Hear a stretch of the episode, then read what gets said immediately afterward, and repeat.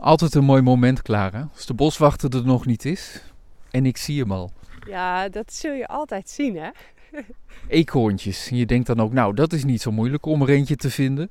Maar eerlijk waar, ik heb er dit jaar, ik denk twee eerder gezien dit jaar. Eh, die waren toevallig bij elkaar, die schoten samen een boom in. Verder zie ik nooit eekhoorns. Ja, grappig is dat. Nou, ik, het is mij opgevallen, de laatste tijd ehm, heb ik er heel veel gezien. Soms inderdaad twee bij elkaar of soms eentje. Maar dit is wel ook de tijd dat je ze gewoon heel erg veel ziet. En hoe kan dat, dat we ze nu meer zien dan andere tijden in het jaar? Nou, het is natuurlijk herfst nu. En eekhoorntjes die moeten zich voorbereiden op de winter. Dus ehm, ja, de bomen die zitten vol met vruchten en noten en zaden. Dus die moeten hun buikje vol eten om de winter door te komen. En natuurlijk voorraden aanleggen. Ja, en dat kost natuurlijk gewoon heel veel tijd. En daar zijn ze heel druk mee. Dus dan zijn ze ook letterlijk veel meer in de weer. En dus ook veel zichtbaarder voor ons. Ja. En misschien dit jaar wel drukker nog dan anders, want er is weinig mast, zoals dat heet, weinig voedsel hè, voor de dieren. Ja, dat klopt. Ja, um, nou ja, we zullen zo eens even onder de bomen ook kijken. Onder de eikenbomen en de beukenbomen. Um, maar dit jaar is er inderdaad gewoon veel, zijn er veel minder vruchten in de bomen. Uh, ik heb eens gekeken en ze zeggen, ze voorspellen eigenlijk nu 1,6 miljoen kilo op de Veluwe. Ten opzichte van nou ja, een gemiddelde van voorgaande jaren van 4,6 miljoen kilo. Om maar even met wat cijfers te strooien. Dat is een verschil van 3 miljoen kilo. Ja, nou precies. Dus dat zijn echt hele grote fluctuaties. En dat is wel iets wat ook in de natuur gewoon voorkomt. Het ene jaar veel vruchten en het andere jaar minder vruchten. Ja, en nu zitten we in een jaar waar uh, er gewoon heel weinig vruchten aan de bomen zitten. En ja, dan hebben de dieren daar ook last van. Dus die moeten harder zoeken om toch voldoende vruchten uh, en eten bij elkaar te zoeken. Wat is de eekhoorn voor beestje? Ik zag hem net dus lopen, toen jij het nog niet zag, door het bos. Nam rustig de tijd, liep over de grond. Uh, als een razende ging die over de grond, ging echt heel erg snel. Mooi, die pluim staat zo door de lucht. Wat voor beestje is het?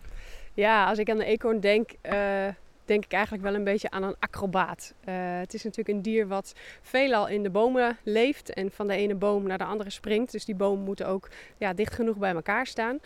Maar hij komt ook op de grond om daar voedsel te verzamelen. Maar ja, goed, het is uiteindelijk ook een prooidier. Dus hij zal wel op zijn hoede zijn en uh, de boel in de gaten houden. Maar hij is heel bewegelijk, zowel in de boom als uh, beneden op de grond. Um, nou ja, en met zijn mooie rode pluimstaart. Ja, het is een heel uh, ja, fotogeniek dier. Het is een heel mooi beestje om, om te zien met die mooie pluimpjes op, zijn, op zijn oren. En zeker als je hem ergens ziet waar hij nou ja, aan het eten is, heeft hij ook zo'n, nou ja, heeft hij zijn eten tussen zijn voorpootjes vast en die mooie uh, staart aan de achterkant. Ja, het is gewoon een heel mooi beestje ook om te zien. En ik word er eigenlijk altijd wel blij van. Het is een heel, ja, ik kan zeggen bijna een vrolijk beestje. Zonder die pluimstaart is het dan eigenlijk niet gewoon een rat? Ja, nou bijna wel. Ja. En dan is het een heel ander ja, beestje. Ja, ja. Nou ja, dan heeft die staart ook echt nodig. Um, als hij van de ene boom naar de andere uh, springt, ja, gebruikt hij hem ook een beetje als, als roer of als parachute, zeg maar. Ja, parachute is wat overdreven, maar ja, hij gebruikt hem wel ook om ja, mee te sturen, zeg maar. Wat maakt dat dit een goede plek is voor eekhoorns? Um, nou ja, ze hebben natuurlijk, ze zijn afhankelijk van bepaalde, uh, voornamelijk bomen met, met vruchten. Uh, ze hebben een voorkeur voor eiken, uh, inlandse eiken, beuken, maar ook naaldbomen met denappels. Um, maar met name de leeftijd van de bomen speelt een grote rol.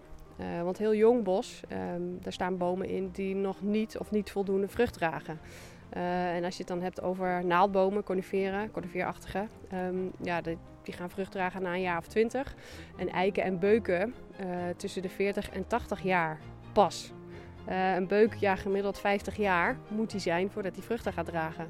Dus een bos is eigenlijk pas interessant voor een eekhoorn wanneer het ja, oud bos is. En dan het liefst gemengd, zowel naaldhout als, uh, als, uh, als loofhout, waar voldoende voedsel te vinden is. Ik heb me enorm goed voorbereid op dit gesprek. Ik ben jaren teruggegaan in allerlei archieven. Zo vond ik van, uh, in het archief van het uh, Jeugdjournaal was het, uit 2009, een lijstje van de populairste zoogdieren van, het, van ons land. Wat denk je wat erop in stond? Ja, als we dit interview hebben, zou ik toch bijna zeggen dat dat de eekhoorn zou moeten zijn, maar... Nee, de egel. Die is ook leuk.